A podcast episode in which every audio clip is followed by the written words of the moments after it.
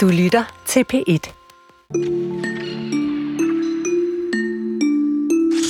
Du skal ikke tro, du er noget. Du skal ikke tro, at nogen bryder sig om dig og så videre, og så videre. Det er jantelovens i alt 10 bud, som vi øh, kender. Nok ikke helt sådan for til andet, men budskabet forstår og husker de fleste. De fleste ved, hvad jeg mener, når jeg siger jantelov. Men i år er det faktisk 90 år siden, at øh, Axel Sandemose skrev romanen En flygtning krydser sit spor, hvor han formulerede de 10 regler, som dengang gjorde rigtig mange mennesker sure, og som vi stadig refererer til i dag. Vi har inviteret to gæster til at føre janteloven helt frem til 2023, for at se, om vi stadig ikke skal tro, at vi er noget. Og så taler vi med digitaliseringsministeren, som har sagt, at verden vil være et bedre sted uden det sociale medie TikTok, fordi det er digital hjernevask. Men hvis det er sådan, hvorfor har ministeren så ikke gjort mere for at begrænse den her virksomhed? Og vi begynder med den syge ballet. Velkommen til Kulturen med Linnea Albinus Lande og Karen Sikker.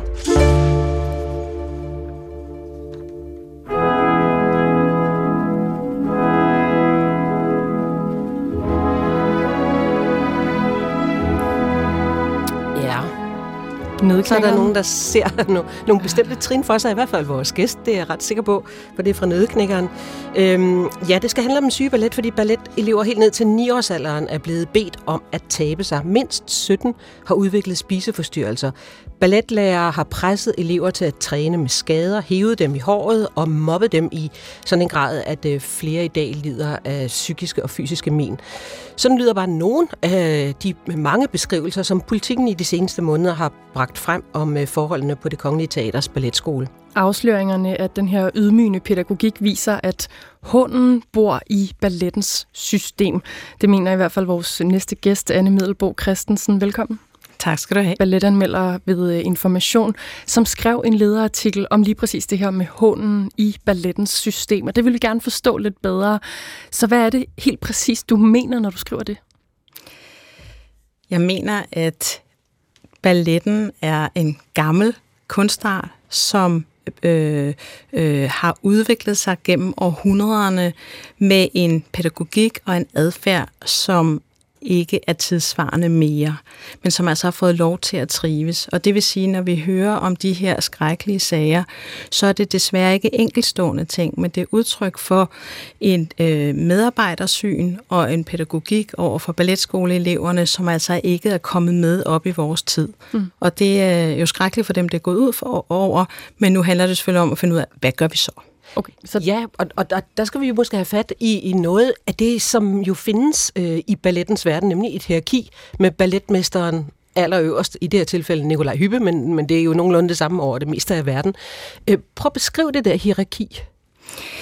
Jamen, det er en, en, en, en meget hierarkisk kunstart. Øh, de fleste balletkompanier har en balletmester, som jo altså vores er Nikolaj Hyppe, men som er den person, som øh, vælger hvad for nogle dansere, der skal være med i kompaniet, som vælger, hvad der skal danses, og som vælger, hvem af danserne, der skal have hvilke roller.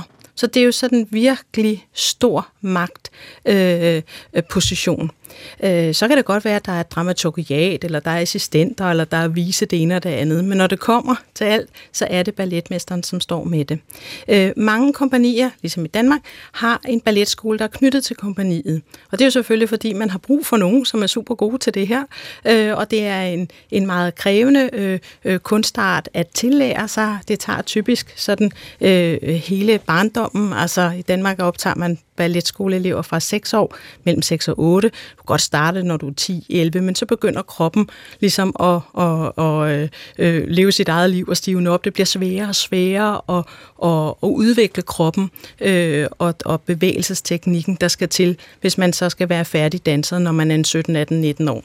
Men i forhold til det med hierarkiet, så er det vel også i mange, på mange måder rigtig svært at komme udenom. Altså jeg tænker, en, en film har en filminstruktør, og et symfoniorkester har sin dirigent. Altså hvordan kunne man komme udenom, at der er noget hierarkisk i, hvem der får lov at danse solo, for eksempel? Selvfølgelig er der en, der skal bestemme, og det kan jo heller ikke nytte noget som der i nødeknækkerne, hvis alle danserne, som skal danse sniff nu, har hver deres mening om, at jeg synes, det var pænere, hvis min arm sad sådan her, eller jeg vil hellere gå ud til højre. Altså, det går jo ikke. Så, så i, i, i mange kunstarters øh, teater og film, jamen så er der en instruktør, som bestemmer det hele, og så er det de andre, der skal rette ind. Det er klart. Altså, det, det er ligesom præmissen, hvis det skal resultere i en forestilling til den dato, der er lovet. Øh, men men øh, spørgsmålet er jo så, hvordan får man øh, motiveret øh, øh, danserne? Man kan sige, at i det hierarkiske system, der ligger hele tiden det der med, wow, hvad er det, jeg kan opnå? Altså for, for balleteleven, kan jeg overhovedet komme ind? Kommer jeg op til optagelsesprøven? Bliver jeg sluset ind?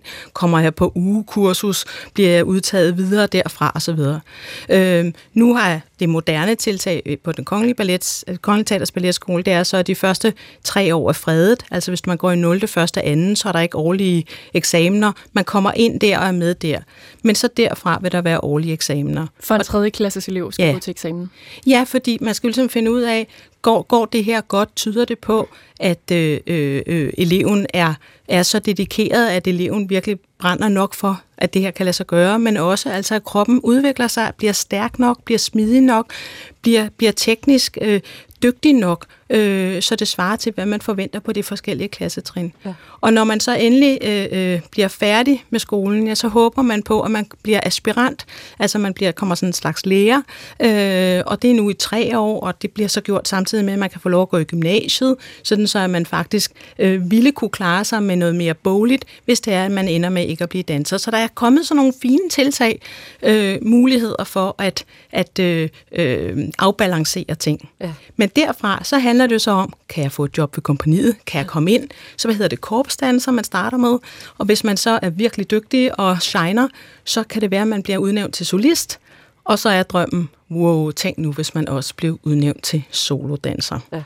Og når man så engang er blevet virkelig gammel, og det er jo så ballettens verden omkring de 40, så kan man håbe på, at man bliver karakterdanser. Altså at man bliver en slags skuespillerdanser og får lov til at være med, hvor man altså mere sådan gestalter, øh, øh, altså ikke pirouette-bevægelser, øh, men, men psykologi og alt muligt andet spændende. Ja. Mm. Men, det er strukturen. Ja, sådan er strukturen. Men, og koreografen, den store øh, kendte koreograf, balletkoreograf Balanchine, har engang sagt, ballet er kvinden. Og det citat har en amerikansk øh, koreograf, så hun hedder Pam Tanovich, øh, lige tvistet lidt og sagt, øh, ballet er mandens opfattelse af kvinden. Er, er, er, der, er der også noget i det der med køn, som udfordrer de her ting og skaber øh, den her syge kultur? Der er masser af det der med køn, og der er masser af the female gaze, eller the male gaze, altså mandens blik på kvinden, manden, der ser på kvinden og ønsker sig, at hun skal se ud på en helt bestemt måde. Øh, det er desværre også rodfæstet i historien, fordi da den romantiske ballet bryder igennem, og det er der, hvor balletten bliver super populær som kunstart generelt, ja, så øh, det er jo i, i 1830'erne og 40'erne, og det er med balletten Sylfiden, øh, balletten Giselle. Og hvad er det for nogle kvindeskikkelser? Det er sådan nogle åndelige gespenster, der er skønnere end skønne, smukkere end smukke, øh, og som mm, har, ja, de bevæger sig altså, på tåspidserne, så, fordi de, de kan flyve de overnaturlige. Altså, det er det erotiske kvindeideal, man ser for sig. Mm. Og man kan sige, det er så det, når Balanchine så i 1960'erne og 70'erne, øh, han er leder af New York City Ballet på det tidspunkt, og laver de store neoklassiske balletter, når han så siger, ballet is woman, så øh, opfattes det egentlig som en ros, forstået på den måde, at han er så umanerligt fascineret af kvinder. Han elsker kvinder. Han er forelsket i kvindekroppe. Altså, når han koreograferer, så er det til kvindekroppe, så de skal se allermest delikate ud. Det, der så er sagen, det er, at han havde det bare med at vælge dem med de rigtig lange ben, de rigtig lange halse, og de er meget, meget tynde. Og i virkeligheden, så er det, så er det sker brudet i den øh, øh, i ballettraditionen, det sker på det tidspunkt med Balanchine, fordi flere og flere kompanier begynder at pludselig være sådan ret interesseret i, at danserinderne skal være tynde. Nu skal de ikke bare kunne danse så, øh, og, øh, øh og kunne dreje og kunne springe og kunne have rigtig hurtige tåspidssko. Eller, så, så, så, så, så det, det er det, der er skismaget i det. Så man vil have den tynde krop med musklerne til at udføre alle trinene. Lige præcis. Okay, men hvad med mændene så? Er der også en, den slags allerede på det tidspunkt forventning til, at de ser ud på en bestemt måde? de har været underlagt meget mindre øh, øh, øh, definerede krav. Øh, det har nok svaret til de øvrige sådan idol-mandeskikkelser. Altså, at hvis man lige som Peter Martins, der var chef for, for New York City Ballet efter Balanchine, altså hvis man kunne være næsten to meter høj og en meter over skuldrene, ville det være fedt. øh, nu øh, er de fleste jo ligesom hverken så høje eller så brede, men man kan sige, at der er gået en pumpekultur ind over balletten også, så hvis vi ser på billeder, kan vi se, at mandsdanserne i dag, de har altså øh, trænet noget, hvor overkroppene bliver større. Men de, skal jo, de må jo endelig ikke blive så store, så de bliver langsomme. De skal jo kunne bevæge sig så sindssygt hurtigt. Og de skal også kunne springe virkelig, virkelig højt og hurtigt. Så, så de må jo heller ikke veje alverden. Så det er de lange linjer i musklerne, det er det, de prøver at træne frem. Mm. Altså i forhold til, hvis man nu sammenligner med folk, der ellers pumper jern, der bliver musklerne måske bare sådan store, men de bliver, de bliver tunge. De fylder. Mm. De er i vejen for en balletdanser. De skal have lange muskler, lange linjer. En af de meget få nuværende øh, balletfolk, øh, der har stået frem, er jo faktisk også en, en mandlig øh, balletdanser. Jeg kan ikke lige huske, hvad det er, han hedder. Oliver Starpo. Lige præcis, som, som jo også øh, har mærket alt det her. Jeg tænker på, Anne Middelbo, øh, har, hvordan har det seneste, eller ja, det måske det seneste års opmærksomhed på den kongelige ballet forandret dit syn på at gå ind og se ballet? Det har du jo gjort i masser af år. Jamen altså, jeg elsker ballettens udtryk, og det håber jeg vil gøre altid. Men jeg er blevet meget ked af, at der har været så meget negativ fokus på forskellige krænkelsesager, og så nu disse øh, helt strukturelle ting med skolen og med adfærd, både i skolen og også i kompaniet, øh, at øh, øh, der pludselig kommer jo en tristesse over det her. Jamen er det virkelig ikke muligt at skabe en, en glædesfyldt og respektfyldt balletkultur. Og det vil jeg jo håbe på, at alt det her ramachan på den forkerte måde, at det ender med øh, en, en, en større øh, ansvarlighed hos ledelsen, øh, hos det kongelige teater og ved balletten. Altså, øh, øh det, det, det er jo klart, det starter med skolen. Øh, og, og, og, og hvad er det så for nogle lærere, der underviser på den skole? Hvad, hvad, hvad, hvad er det for nogle pædagogiske forudsætninger, de lærere, de har nu? Traditionelt set er det jo sådan, at, at mange dansere, når de holder op med at danse, det er omkring de 40, jamen, så begynder de at undervise selv. Mm. Nogle er så superpædagoger, nogle er sikkert bare pædagoger. Ja. Altså, hvad er det for nogle krav, det Kongelige Teaters Balletskole stiller til efteruddannelse øh, og til, altså, til menneskesyn, til barnesyn, til elevsyn? Hvad er det? Øh, øh, det er vel noget, som må komme i vild fokus nu. Ja. Hvad med for dig? Kan du gå ind og se en ballet og bare nyde det? Ja, det kan jeg, fordi jeg går jo ind i fiktionen. Øh, det gør ikke nyt, når jeg sidder og kigger på dem, og så tænker åh, åh, fik han skal ud, for han ikke strakt knæet der.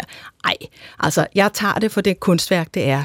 Og jeg synes, at det er jo en, det er jo en skønhedskunstart, som er så sublim. Altså, det, det, er jo, det er jo helt vildt, så mange ting, der skal spille sammen. At en krop, der både skal være enormt stærk, og den skal være enormt smidig, og den skal være enormt musikalsk, og den skal hele tiden orientere sig i rummet at den så også kan lave de der lange linjer og skabe eventyr, eller skabe fortællinger, skabe psykologiske portrætter. Altså, så når man, når man kommer i nærheden af det, altså, det er jo for mig noget af det bedste. Øh, så, øh, så jeg vil jo insistere på, at de her problemer bliver nødt til at blive løst. Altså. Ja, og du peger selv på nogle af dem, altså hvorfor er der ikke mere efteruddannelse, hvad ved jeg? Og hvis man kigger rundt på nogle af de andre kunstneriske uddannelser sådan gennem de seneste bare par år, så har der jo været mange konsekvenser. Forfatterskolen har skiftet rektor, øhm, øh, øh, øh, i, Køben, i København øh, og så videre. Kan det ikke undre, at, at der ikke har været konsekvenser af hele den debat, der har været om balletskolen? Jo, men det er jo, der er jo en afgørende forskel.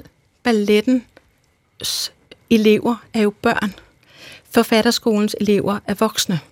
Altså, det er jo selve det der ekstra ansvar, som uddannelsen har, fordi det indtager børn, øh, som jo for, for, forældrene er med på sidelinjen osv., men, men, men det, er jo, det, er jo, det er jo børnenes opvækst, som på den måde styres og guides, øh, og det er jo balletskolen, som tror på en elev ved at tage vedkommende ind, øh, og, og, og derfor skulle det jo også gerne øh, den tillid, øh, og den tro på fremtidsmuligheden for vedkommende skulle gerne følge hele vejen op.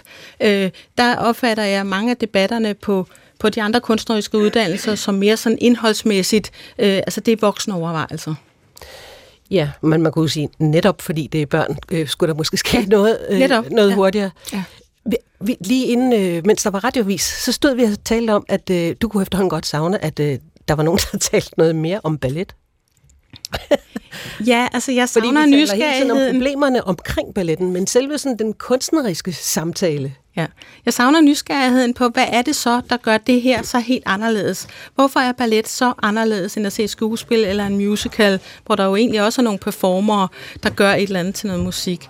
Jamen altså, den her ekstreme udsøgthed i at insistere på, at en albu skal sidde lige præcis der, eller man skal lave 32 af de der besværlige pirouetter, eller hvad det nu måtte være. Den, den, øh, øh, den der kompromilløshed, synes jeg er jo fuldstændig fantastisk øh, oven i det musikalske udtryk. Så jeg vil så gerne have, at øh, noget af sam- samtalen også kommer til at handle om glæden ved den kunstart. Men den kompromilløshed, den kommer jo ud af det, som vi på mange måder forbinder med det elitære. Balletskolen her er jo også en eliteuddannelse for de aller, aller, aller dygtigste.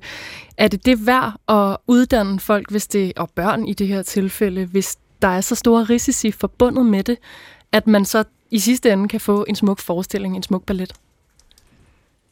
Vi skal simpelthen minimere de der risici, for selvfølgelig er der jo ikke nogen, der skal tage skade af de her ting. Men det er jo en, en kulturel det er en, en kulturskat, en kunstskat, den her balletform. Og det kan ikke nytte noget, at vi er parat til at hælde den ud, fordi der har været otte dårlige lærere. Mm. Vi får med i 2024. Tak skal du have i denne omgang. Anne Middelbo Christensen, balletanmelder øh, på Information.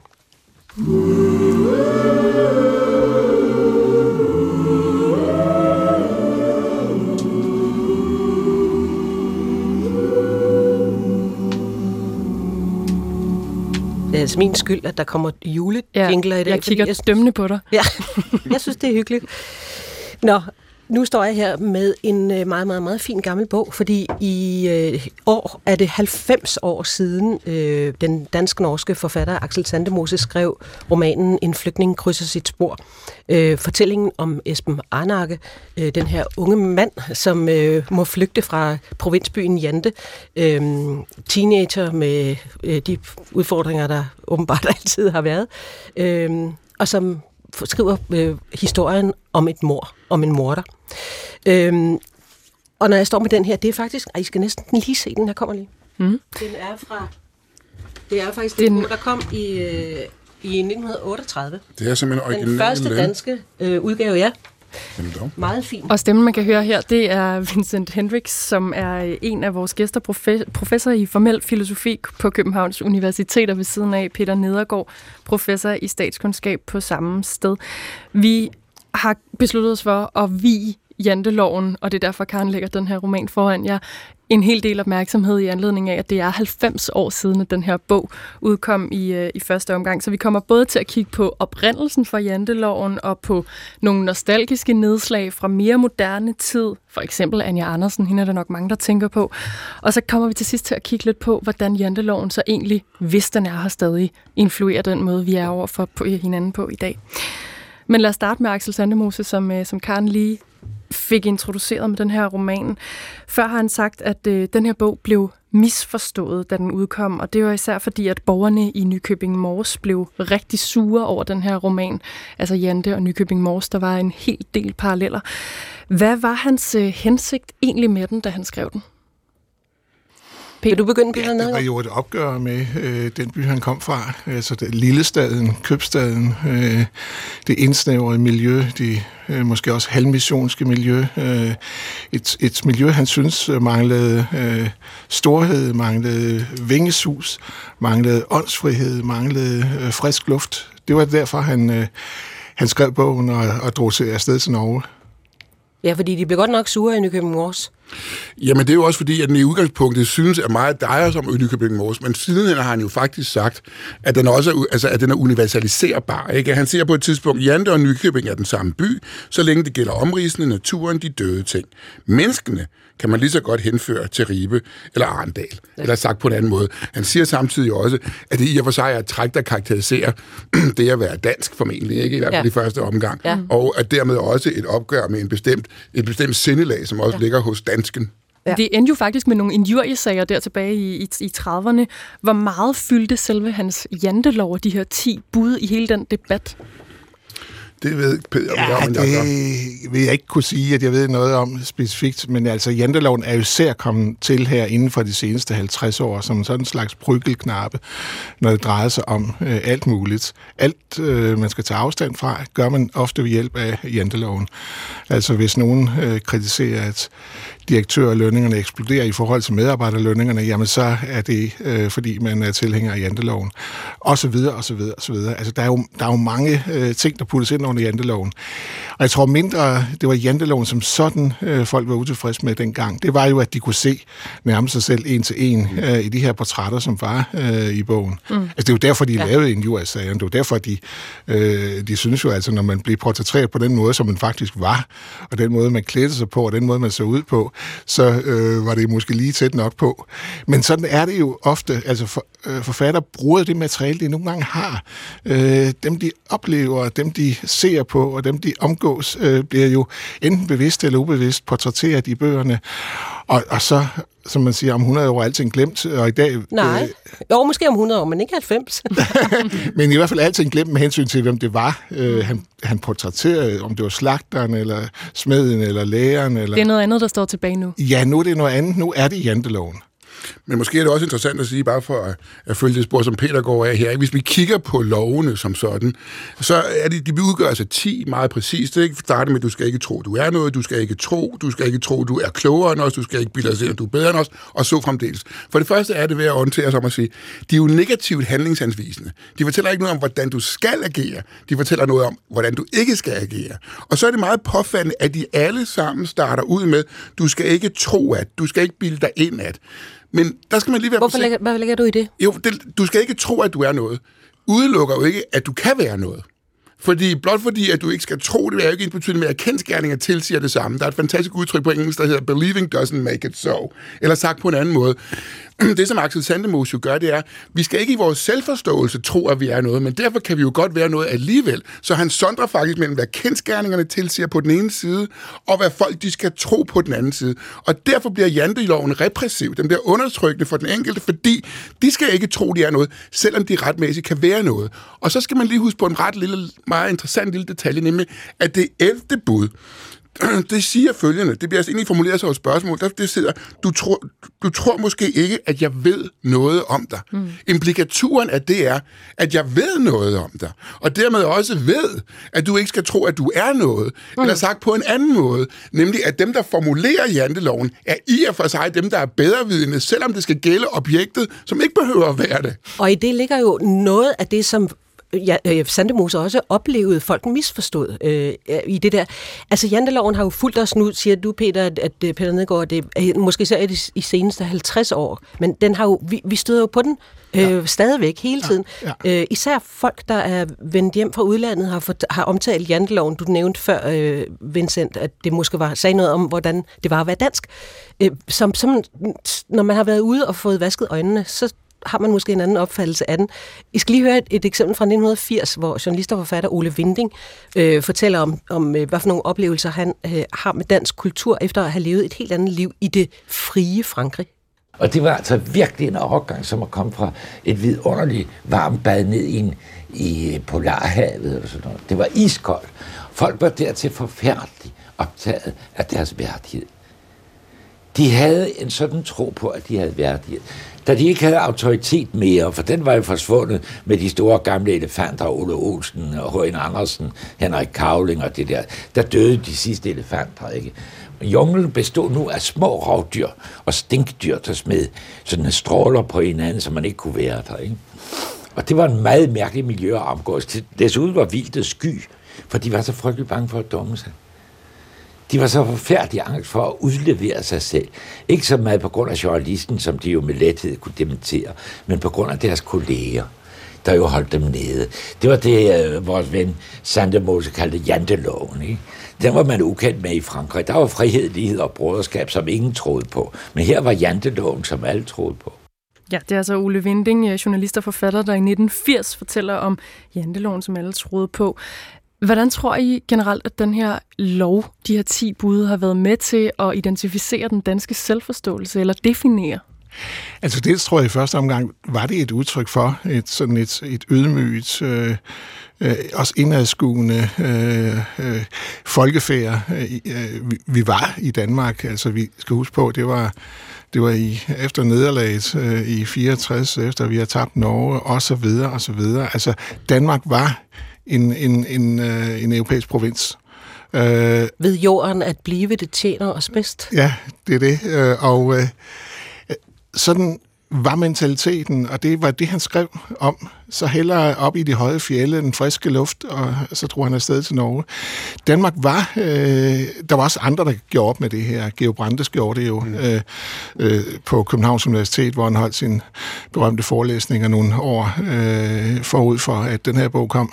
Så altså, der var en sådan en åndstrømning, der var indadvendt, men der var også et opgør med den. Og han er et udtryk for det, andre er et udtryk for det. Så, så der, der var en konflikt mellem dem.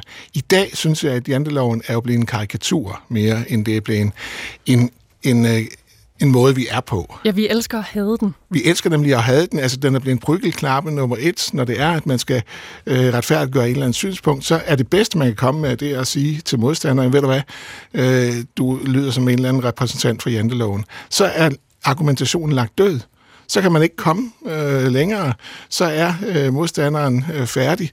Og det er jo et udtryk for, at vi måske er gået fra den ene grøft til den anden grøft. Vi er gået fra jantelovsgrøften, du skal ikke tro, du er noget, øh, til øh, den anden grøft, som er, at jamen, du er øh, mesteren i dit eget liv. Øh, du er, kan blive, hvad du vil. Du kan komme så langt, du overhovedet øh, vil. Det er bare et spørgsmål om viljestyrke. Øh, viljestyrke.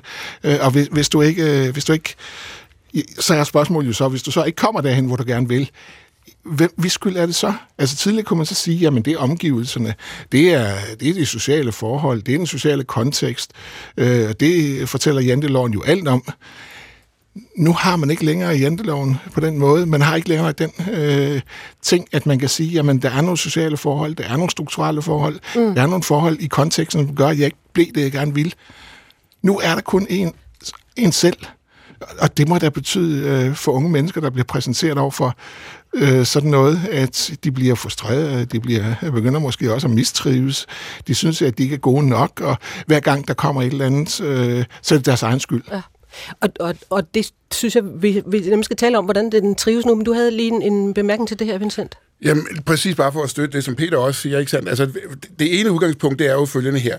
Det hele drejer sig om os du skal ikke tro nu, at du er noget i forhold til os. Nu er det så nærmest blevet, at nu er vi i og for sig kun noget i og for sig for os selv, og ikke noget for os.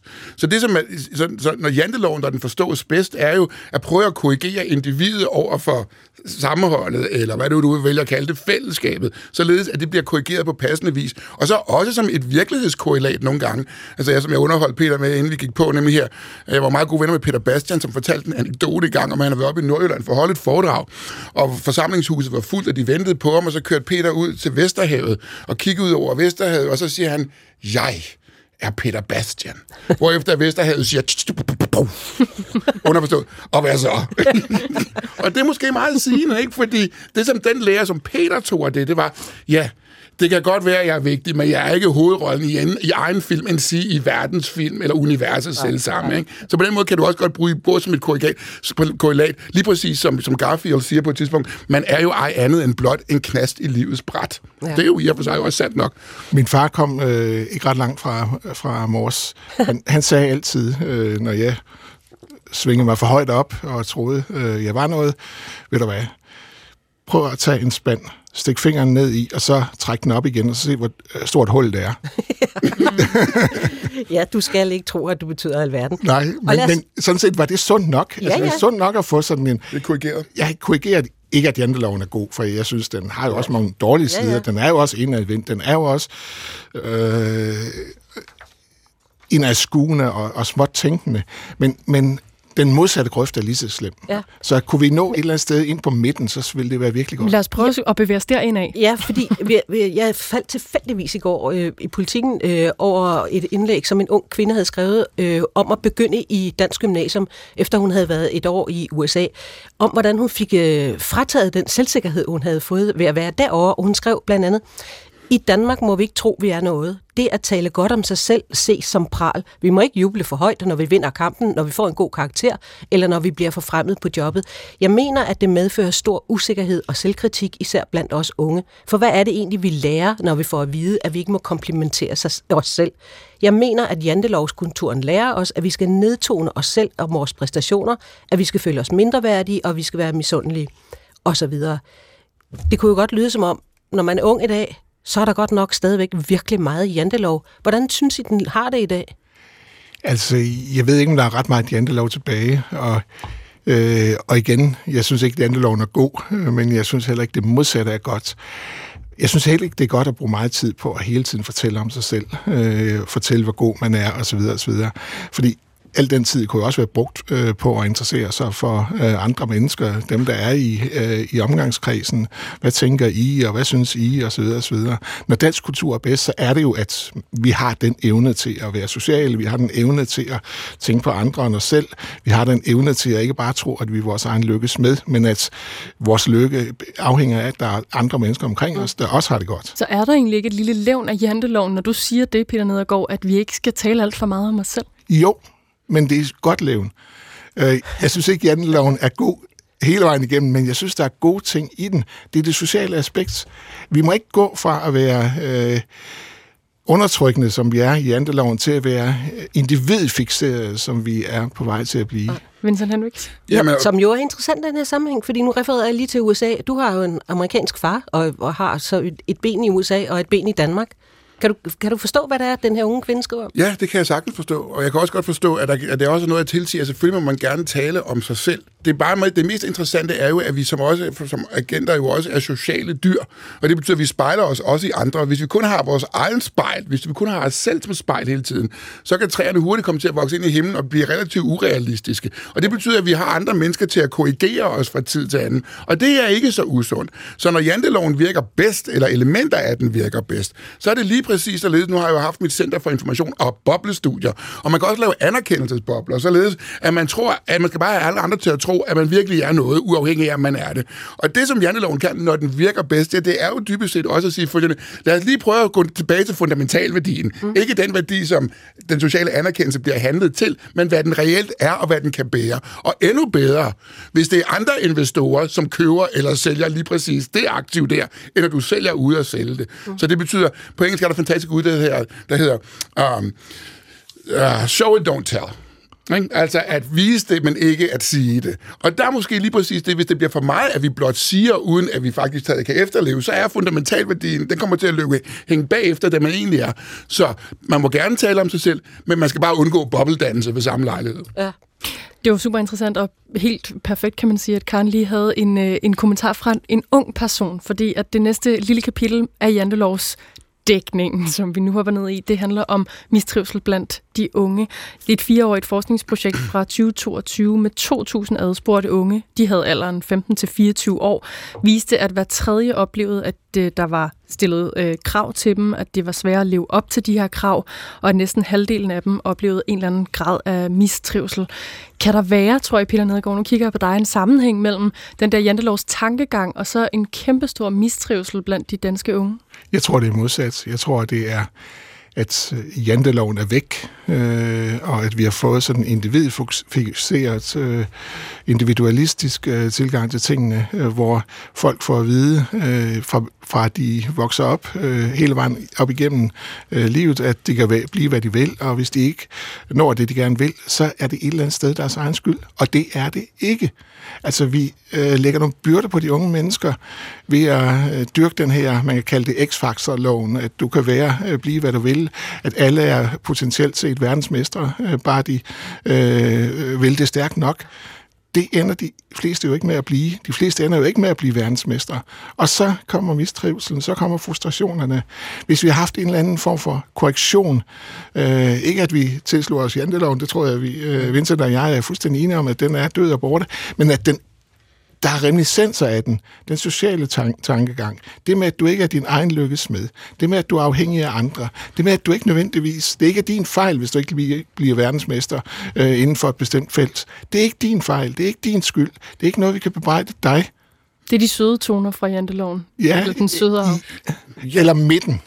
Du kan sige midten mellem X-faktorloven og Og janteloven, eller midten mellem øh, det oversociale i janteloven, øh, og så det overindividualistiske i en modsat grøft. Tror du, der kan være en sammenhæng mellem mistrivsel og jantelov? Ja, bestemt. Og det kommer blandt andet ud for betragtning om, at det, vi, udover hvad, hvad Peter lige har sagt, så har vi altså også fået en helt anden infrastruktur, som vi alle sammen mere eller mindre gør brug i, og som den unge generation i særklasse gør brug i, nemlig sociale platforme.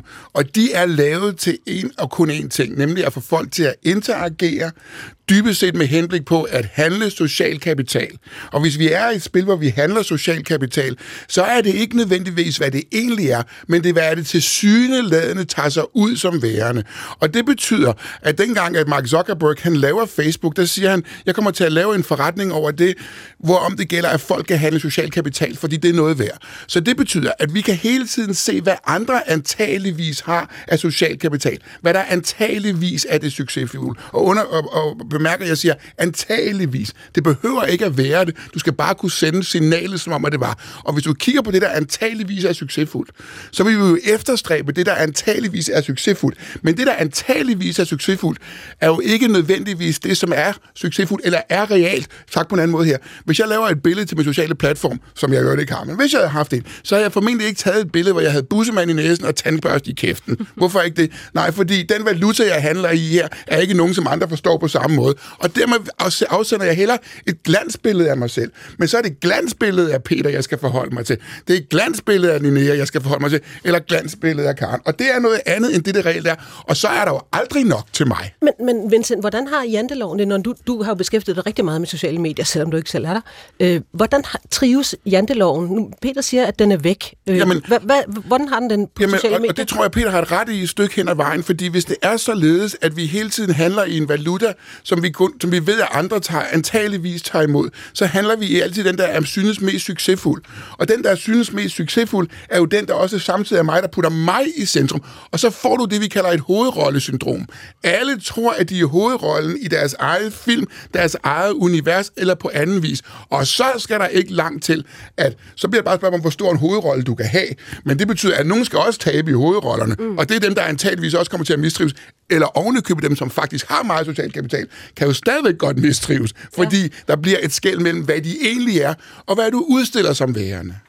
Lige om ganske få sekunder skal vi tale med digitaliseringsministeren om et socialt medie. Bare lige her kort til aller, aller sidst.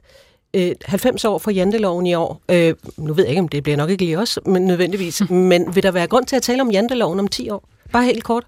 Det synes jeg, der vil være, og jeg synes, der vil være god grund til at sige, øh, vi skal ikke misbruge kritikken af janteloven, og vi skal have øh, ind på midten. Ja. Vi skal væk fra det øh, oversociale, kan man sige, janteloven, øh, og væk fra også fra det overindividualistiske, og så ind på midten, hvor vi både er sociale og in, øh, individer. Ja. Vincent, bare helt kort, hvis det kan lade sig gøre for dig. Ja, jeg skal prøve. Ja, selvfølgelig. Ja, der er plads til janteloven. Der er plads til den som en virkelighedskorrigeren fra tid til anden. Min far sagde engang til mig, da jeg kom hjem med kæreste, så, og jeg, og jeg var virkelig ærgerlig over det, og så siger han så, ved du hvad, sådan, compared to the size of the universe, our problems are pretty small. Altså sammenlignet med universets størrelse er vores problemer ret små. Og det synes jeg lidt var en flad, men det var også samtidig en virkelighedskorrigering for mig. Og der kan janteloven faktisk korrigere, og således at vi undgår bobbeldannelse mellem mennesker. Fordi det virker, det er ikke sundt for os som individer. Lad os holde os i live og mødes om 10 år og se, hvordan det går til den tid. Det tak. kan vi godt. Ja. tak fordi I kom. Vincent Hendricks, professor i formel filosofi på Københavns Universitet, og Peter Nedergaard, professor i statskundskab, også på Københavns Universitet. God jul. Også takker. God jul. Takker.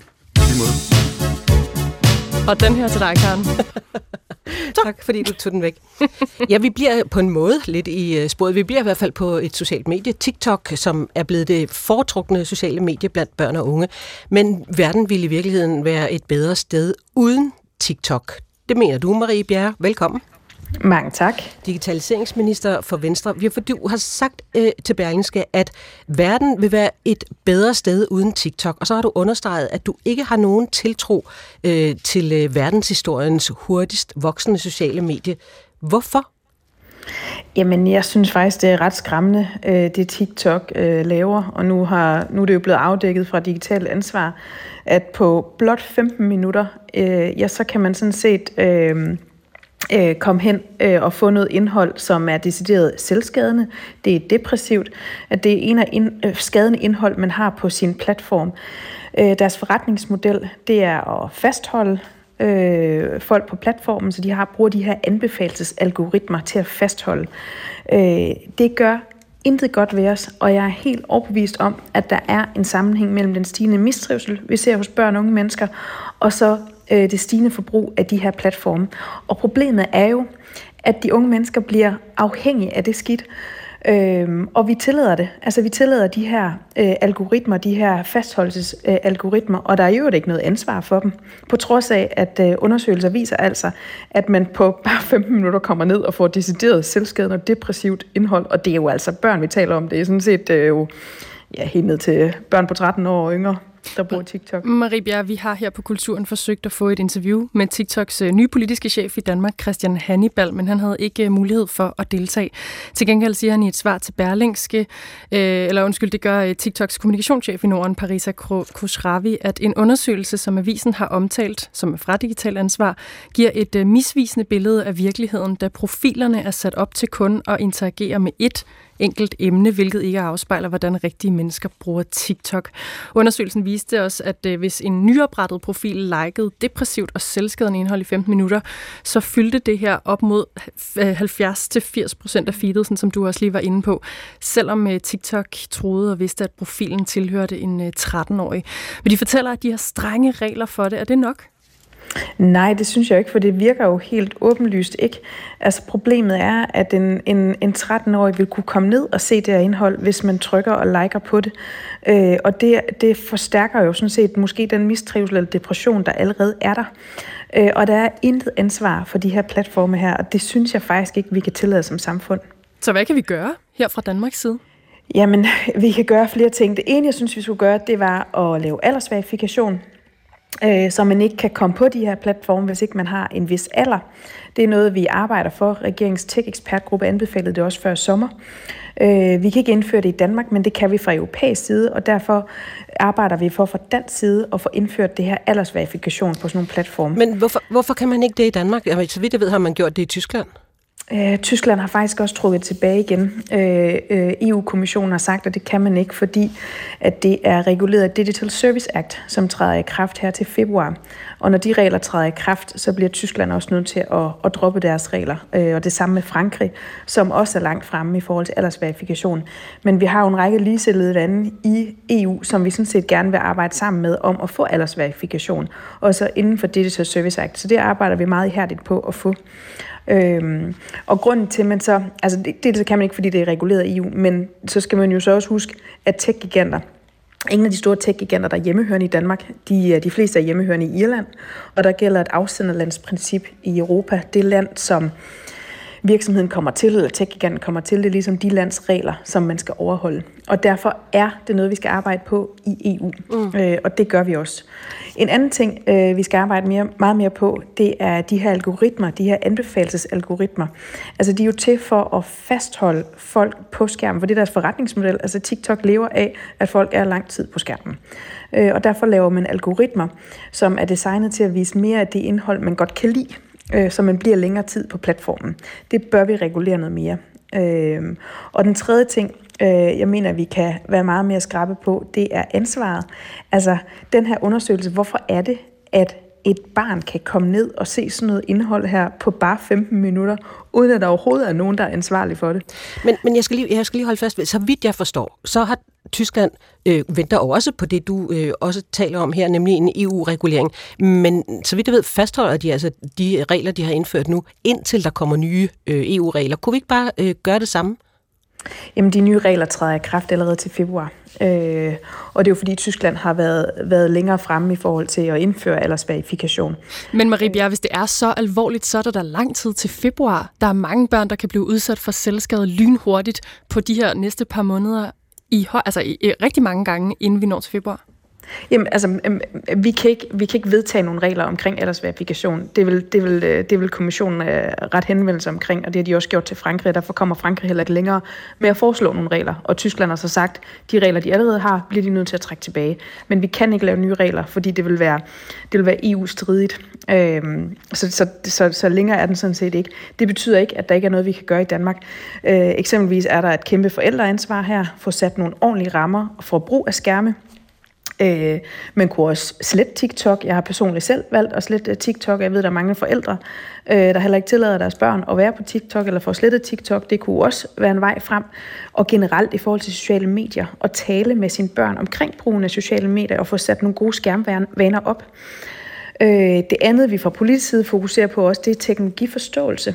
Øh, teknologiforståelse har vi foreslået med vores digitaliseringsstrategi, som jeg præsenterede for en måneds tid siden, og var også med i det udspil, vi havde til kvalitetsprogram af folkeskolen, for at få noget mere dannelse og forståelse for teknologien og sociale medier og algoritmer, så man også har en større kritisk sans selv. Mm. Men øh, nu ved jeg godt, øh, at øh, vi, vi kan godt skubbe det til hjørne, eller i hvert fald øh, hen til en gang i øh, februar, når der kommer de her nye regler. Men, men øh, hvad ved du om, hvad de indeholder? Hvad tænker du på? Ja, for eksempel med øh, aldersverifikation. Jamen altså, Digital Service Act øh, er vedtaget. Øh, den ligger jo i det, øh, det er erhvervsministeren, der er ressort på det. Øh, den er trådt i kraft for de store tech-giganter. Det gjorde den tilbage i jeg tror det var august eller september måned, og her til februar træder den så i kraft for, for de resterende.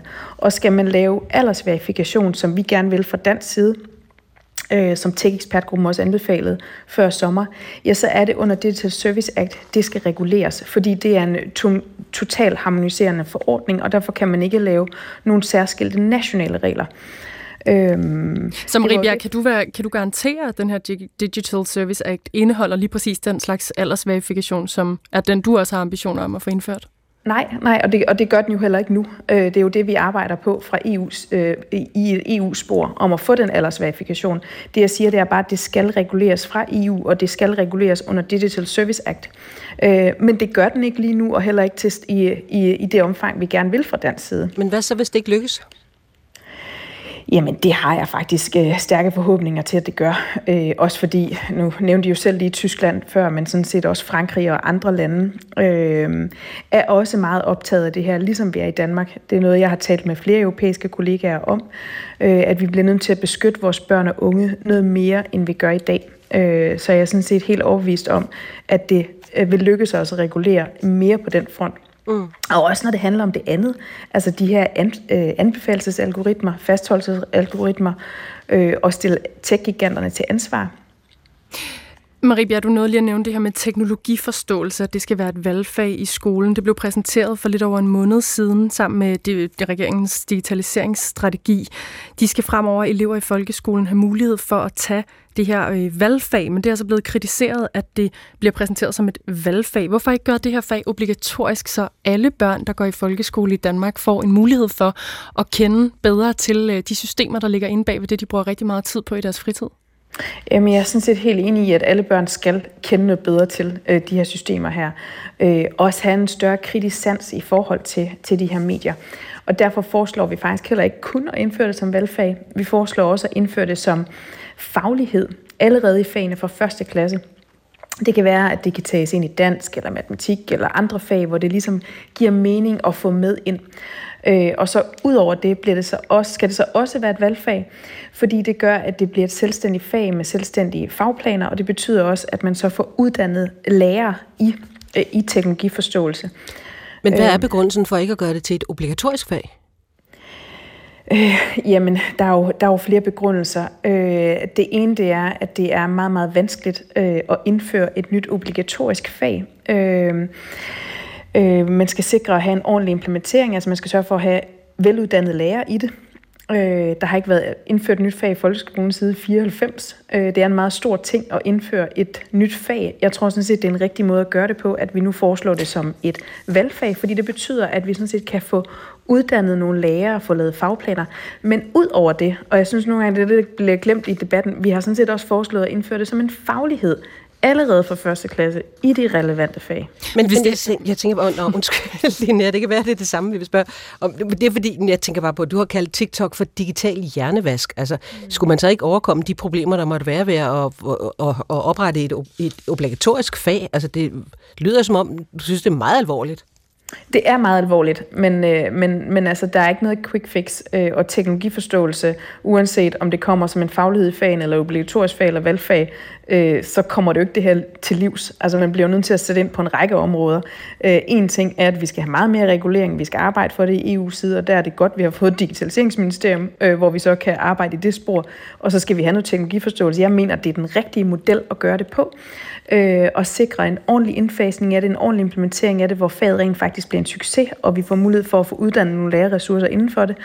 Øh, og så det andet, det er også vigtigt at sige, at der også er et forældreansvar. Altså mm. man bliver også nødt til at tale med sine børn omkring brugen af sociale medier. Klart. Øhm, Marie Bjerg, øh, bare lige her til sidst. Øh, øh, hvornår tror du, der er sådan en, en aldersverifikation, øh, som er lovgivet Øh, jamen, det kan jeg ikke svare på. Altså, det jeg kan sige er bare, at, øh, at vi fra den side arbejder benhårdt på at få det øh, fra EU's side, og der er en række ligesindede lande herunder Frankrig og Tyskland, øh, og derfor er jeg ikke så meget i tvivl om, at der nok skal, at der, at der nok skal blive stillet krav til aldersverifikation. Øh, så er det jo et spørgsmål om, hvornår det så kan lade sig gøre, og hvad der også er teknisk muligt. Øh, hvordan man laver den her aldersverifikation. Tak. Øh, og der er vi ikke langt nok til, at jeg kan svare på det. Tak for, at du var med forløbet, Marie Bjerg. Selv tak. Digitaliseringsminister fra Venstre.